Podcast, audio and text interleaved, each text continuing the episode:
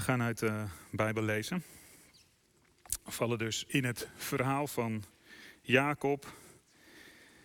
Jacob heeft hiervoor samen met zijn Rebecca, zijn moeder Rebecca, eh, een slim plannetje uitgevoerd om de profetie van die God gegeven had te doen slagen, namelijk dat hij de zegen zou krijgen van ehm, zijn vader. Isaac, en dat heeft hij gedaan, voor elkaar gekregen. Maar het gevolg is wel dat Esau, zijn broer, de broer van Jacob, die eh, is woedend en die wil hem doden. En dan ehm, moet hij vluchten. En daar gaan wij uh, lezen. Genesis 28 vanaf vers 10. Jacob verliet dus Beersheba en ging op weg naar Garan. Op zijn tocht kwam hij bij een plaats waar hij bleef overnachten omdat de zon al was ondergegaan. Hij pakte een van de stenen die daar lagen, legde die onder zijn hoofd en ging op die plaats liggen slapen. En toen kreeg hij een droom. Hij zag een ladder die op de aarde stond en helemaal tot de hemel reikte. En daarlangs zag hij Gods engelen omhoog gaan en afdalen. Ook zag hij de Heer bij zich staan en die zei: Ik ben de Heer, de God van je voorvader Abraham en de God van Isaac. Het land waarop je nu ligt te slapen zal ik aan jou en je nakomelingen geven. Je zult zoveel nakomelingen krijgen als de stof op de aarde is. Je gebied zal zich uitbreiden naar het westen en het oosten, naar het noorden en het zuiden. Alle volken op aarde zullen wensen zo gezegend te worden als jij en je nakomelingen. Ikzelf sta je terzijde. Ik zal je overal beschermen, waar je ook heen gaat. En ik zal je naar dit land terugbrengen. Ik zal je niet alleen laten totdat ik gedaan heb wat ik je heb beloofd. Toen werd Jacob wakker. Dit is zeker, zei hij. Op deze plaats is de Heer aanwezig. Dat besefte ik niet. Eerbied vervulde hem. Wat een ontzagwekkende plaats is dit, zei hij. Dit is niets anders dan het huis van God. Dit moet de poort van de hemel zijn. De volgende morgen vroeg zette Jacob de steen die hij als hoofdsteun had gebruikt recht op en wijde hem door er olie over uit te gieten. Hij gaf die plaats de naam Bethel, vroeger heette Dalus.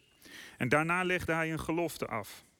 Als God mij terzijde staat en mij op deze reis beschermt, als hij mij brood te eten geeft en kleren aan mijn lichaam, en als ik veilig terugkom bij mijn verwanten, dan zal de Heer mijn God zijn. Deze steen die ik gewijd heb, zal dan een huis van God worden.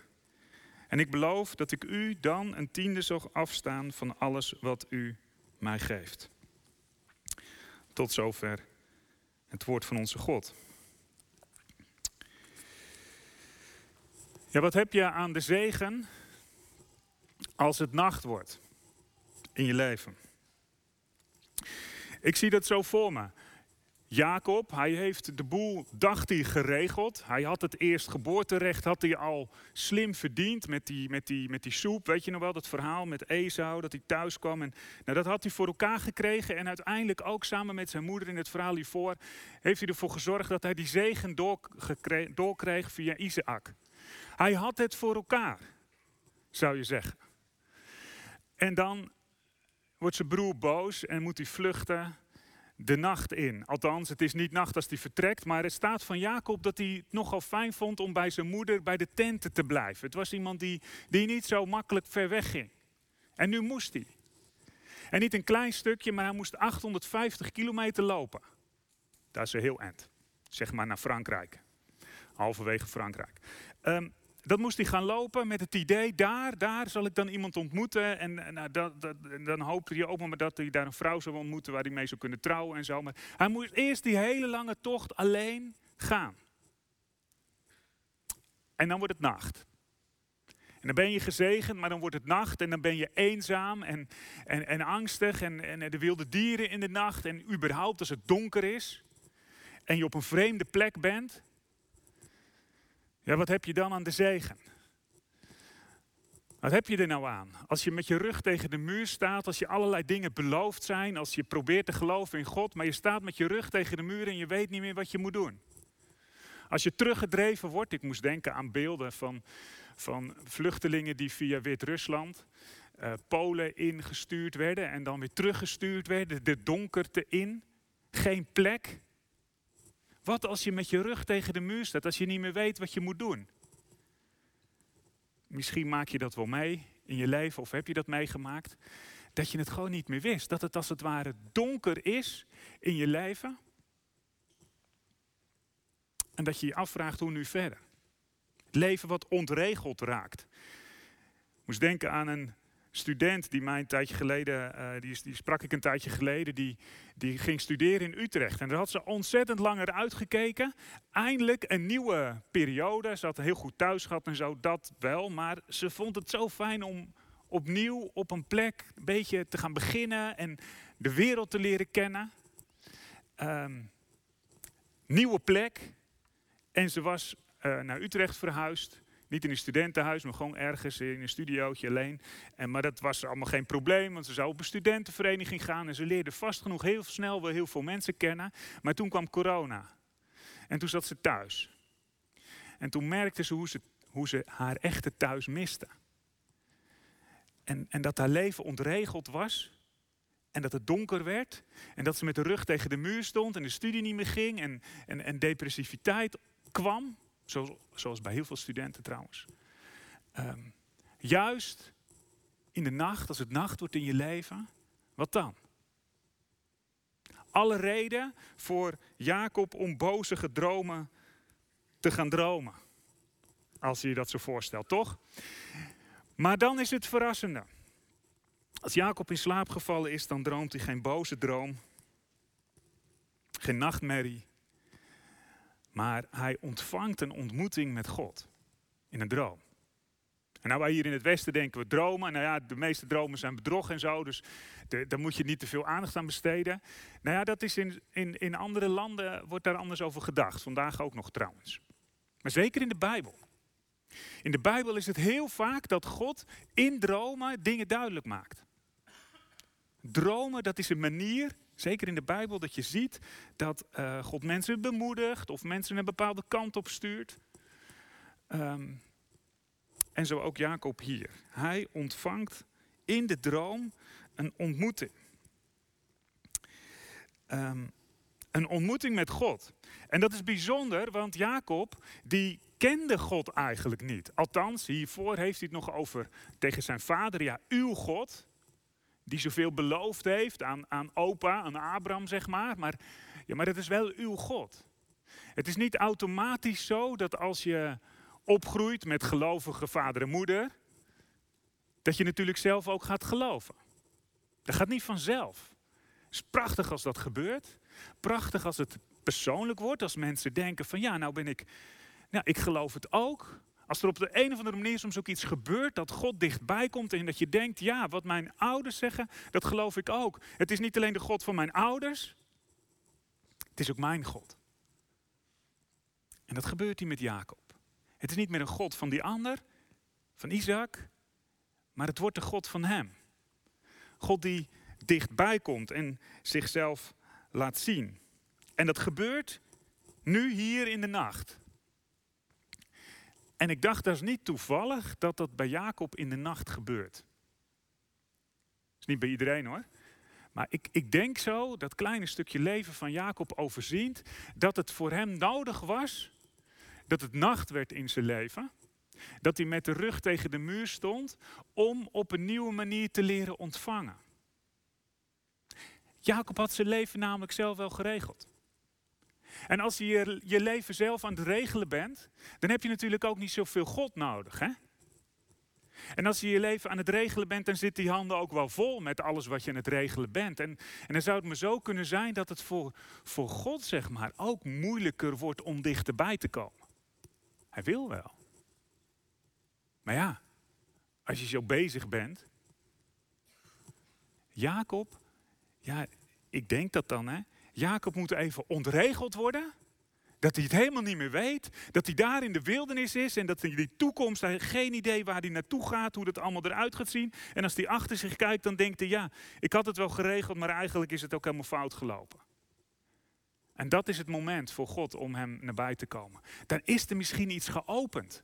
Juist als je leven ontregelt, dan kan het zijn, dat is niet altijd zo, maar dan kan het zijn dat er iets opent voor God.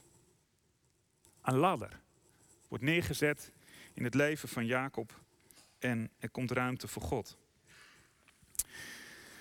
Nou dacht ik, hoe zit het nou vandaag? Hè? Ehm, want Jacob, dat is lang geleden. Hoe zit het nou in jouw leven? Hoe zit het in mijn leven? Uh, ken je verhalen van mensen waar God soms zomaar onverwachts dichtbij komt? En ik dacht, weet je wat ik doe? Ik ga gewoon een paar van die verhalen vertellen. Gewoon een paar van die verhalen waar dat gebeurt. In ieder geval in mijn nabijheid. En, en je kent vast ook wel verhalen. En, en ik zal straks nog wel iets meer vertellen waarom ik dat vertel. Waarom ik dit soort verhalen vertel. Maar goed, het eerste verhaal is deze. Um, in september kreeg ik een mailtje. Mailtje van een jongen van 23 jaar. Um, studeert in Utrecht. En die, um, die stuurde mij de mail. Die zei, weet je, ik ben, uh, uh, ik ben niet gelovig opgevoed. Ik heb ooit wel op een katholieke basisschool gezeten. En daar heb ik verhalen gehoord over Jezus. En dat vond ik interessante verhalen. Maar ik was het eigenlijk weer vergeten. En ik was aan het studeren in Utrecht en toen kwam uh, corona en toen was ik een beetje alleen. En ik had heel veel tijd. En ineens dacht ik, hé, hey, die verhalen. Ik ga een Bijbel kopen. En dat heeft hij gedaan. Hij zei, ik heb een Bijbel gekocht. Ik ging naar een winkel, evangelische boekwinkel was dat. Mag ik een Bijbel? En kreeg de herziende staatvertaling mee. Ach ja, je moet ergens beginnen. En, en hij, begon, hij begon de Bijbel te lezen en hij zei, al lezend kwam ik tot geloof. Ik las de Bijbel en ik geloofde het en ik dacht, ik wil, ik wil bij God horen. Um, heeft iemand ontmoet via via, uh, wat gepraat over, over geloof en kerk en stuurde mij een mailtje, kan ik gedoopt worden? Ik heb hem gesproken en ik was totaal verrast. Weet je, dan zit je moeilijk te doen om mensen te bereiken met het evangelie, want dat vinden we belangrijk als kerk en allerlei, nou ja, alfacursus en dat soort dingen. En hier komt gewoon iemand die krijgt gewoon het verlangen om de Bijbel te lezen. God komt gewoon zijn leven binnen. Zo leerzaam. Zo prachtig vind ik dan ook om dat te horen, hoe God dat in zijn leven doet. En dat het echt is. Um, eerst vrouw, een twintiger. Ik heb ook een vrouw van een dertiger. Uh, jonge, vijf, 35 jaar. Totaal geen christelijke opvoeding.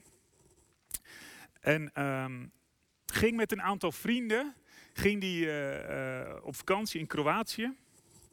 En um, dat was een hele warme dag. Zijn vrienden gingen ergens anders heen. Had daar geen zin in. Hij liep wat door de stad en het was heel warm. En hij dacht, hey, daar staat een kerk. Daar is het vast cool. Hij ging dus naar de kerk omdat het daar cool was. Cool. Cool. Nee, dus, nou. Dus hij ging die kerk in en hij dacht lekker cool. En hij ging er zitten en het was inderdaad heel erg lekker verfrissend. En hij zegt, ik ging zitten en ik zat even en er overkwam mij iets, dat had ik nog nooit meegemaakt. Het was iets van liefde. En ik kon gewoon even niet meer gaan staan. Er kwam iets over mij heen en ik dacht, wat is dit? Zo zuiver, zo mooi, zo totaal overweldigd. Hij wist niet wat hij ermee moest. Zijn vrienden, waar hij tegen vertelde, dachten dat hij gek was geworden. Um, kwam thuis, heeft gegoogeld op geloven in Utrecht kwam op een site, kwam in gesprek met iemand die toevallig een alfacursus leidde in de Nieuwe Kerk bij ons. Uh, kwam naar de Nieuwe Kerk en is vorig jaar gedoopt. Prachtig verhaal. God die zomaar, onverwacht, totaal onverwacht, een leven van iemand binnenkomt, daarmee hem verrast, maar ook de gemeente. Hè? Daarom vertel ik het ook een beetje. Daar waar God mensen opzoekt, is dat niet alleen voor die mensen zelf een verrassing, maar voor heel de gemeente. Ik vertel dit niet zodat jij gaat denken, ik wil ook zo'n ontmoeting. Natuurlijk is dat ook wel mooi. Ik heb dat niet op die manier. Nee, ik zou zeggen, geniet ervan als je dit soort verhalen kunt delen met elkaar, waarin blijkt dat God mensen opzoekt. Als God er één opzoekt, zoekt hij ons allemaal op. En mensen veranderen van die ontmoeting. Dat zie ik in ieder geval bij deze twee, twee jongens. Heilige grond, God komt dichtbij komt langs zij. Met niets te vergelijken, niet zo overweldigend. Zo levensveranderend. als dat God in je leven komt. Ik dacht nog eentje, een zestiger. Die ken ik overigens zelfs niet, maar ik las een boekje. Stefan Sanders, misschien van gehoord. Um, schrijver, ehm, allerlei kranten en bladen. Uh, die heeft het boekje geschreven Godschaamte. Hij beschrijft erin hoe hij langzamerhand zeg maar, tot geloof is gekomen. Vroeger wel naar de kerk geweest, tot zijn, uh, vijftiende of zo. En toen jarenlang niet meer.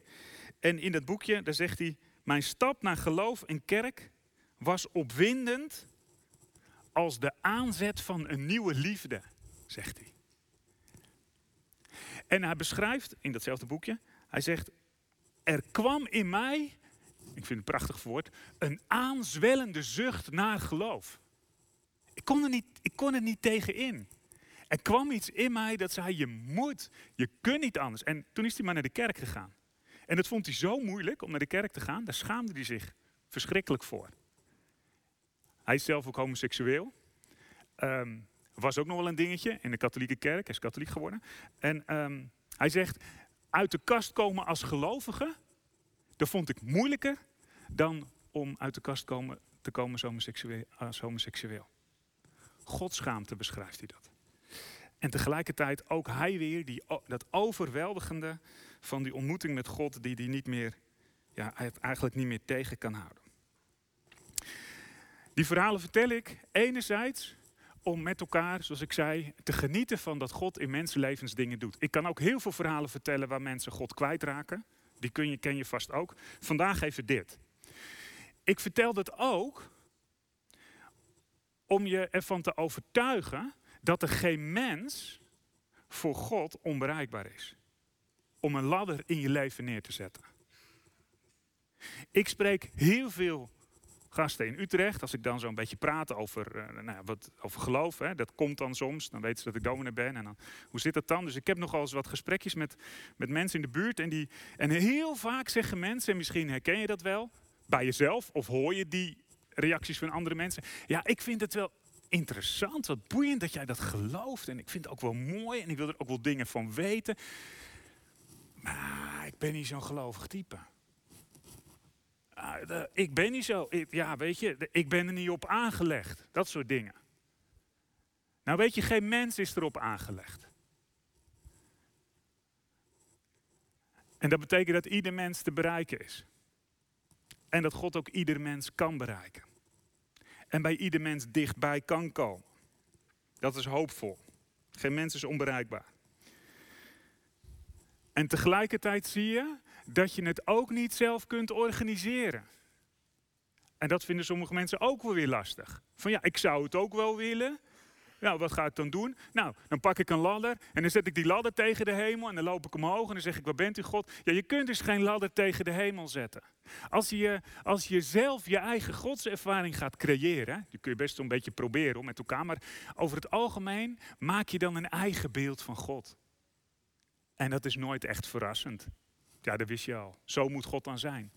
Maar als God je ontmoet, als God je nabij komt, dan krijg je de verrassing wat Jacob overkomt. En de vraag is of je nederig genoeg bent om dat te laten gebeuren. Om, om wat dat betreft te wachten op God.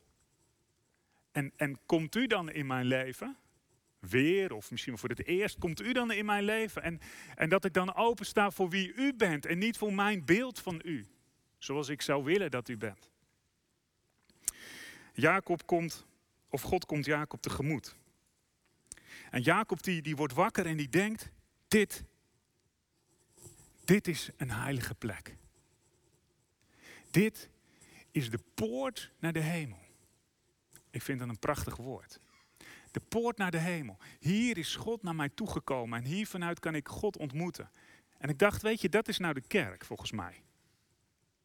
Daarom zegt hij ook, hier moet een, dit is eigenlijk een tempel, hier moet een tempel komen. Er zit iets achter. Een heilige plaats.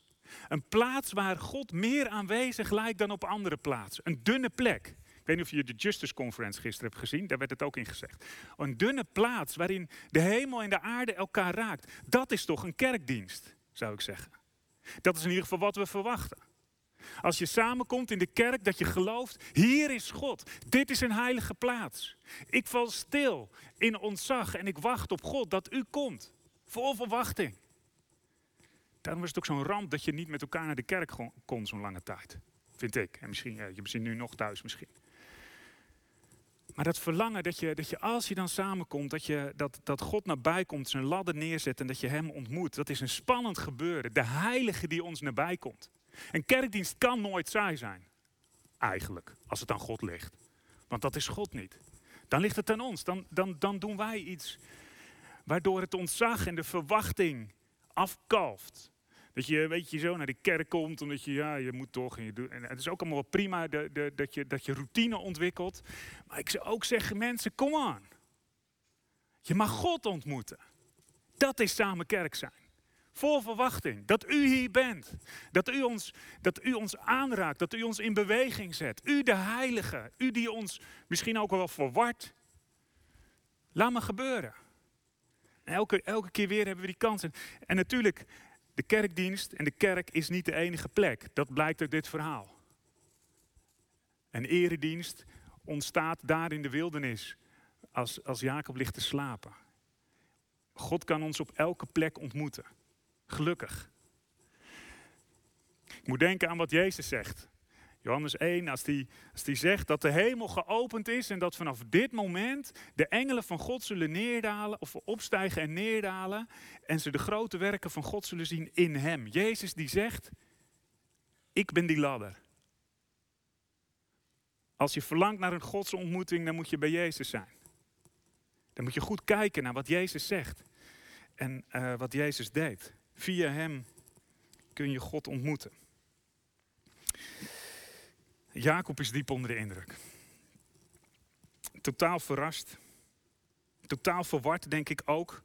Een godsontmoeting is in die zin niet alleen maar fijn. Er zit ook iets van ja, ongelooflijk ontzag voor God. Soms ook wel een soort van angst. Maar de verrassing uh, en de verwondering, die wint het uiteindelijk bij Jacob. Hij krijgt allerlei beloftes van God. Um, belooft God ook te, te antwoorden. Hè? Dat als God waarmaakt wat hij belooft, dat hij dat dan terug zou geven. Zet een steen overeind als herinnering. En gaat de volgende dag ja, gewoon op reis. hij moet gewoon die 850 kilometer nog gaan lopen. Ja, misschien had hij een stukje gedaan. Maar door die ontmoeting met God is alles anders. Zou elke nacht die tegemoet gaat anders zijn. Want hij is niet alleen en dat weet hij. En dat is gelovig onderweg zijn. Wat het leven ook brengt, in het besef God is erbij. Dan is geen weg te lang, geen dal te diep, want God is erbij. Amen. Zullen we samen bidden. Wij danken u dat u bij Jacob langs zij kwam. Dat had hij natuurlijk niet verdiend, maar zo bent u. Wij, wij danken u dat u dat deed bij Jacob, bij die jongens die ik noemde in de dienst, die mannen. Bij zoveel anderen, bij ons ook hier. Wij danken u dat u uw ladder in ons leven zet en ons opzoekt, ons verrast met uw heilige aanwezigheid. En we maken ons klein voor u. Open ons leven, open ons hart, open onze handen. En bidden u dat u ons vervult met uzelf. Opdat we de reis van het leven voort kunnen zetten in het besef dat u daarbij bent. Dank u dat u een God bent die boven ons uitgaat, die de machtige, die de heilige, u die de soevereine Heer bent. Wij aanbidden uw naam. Amen.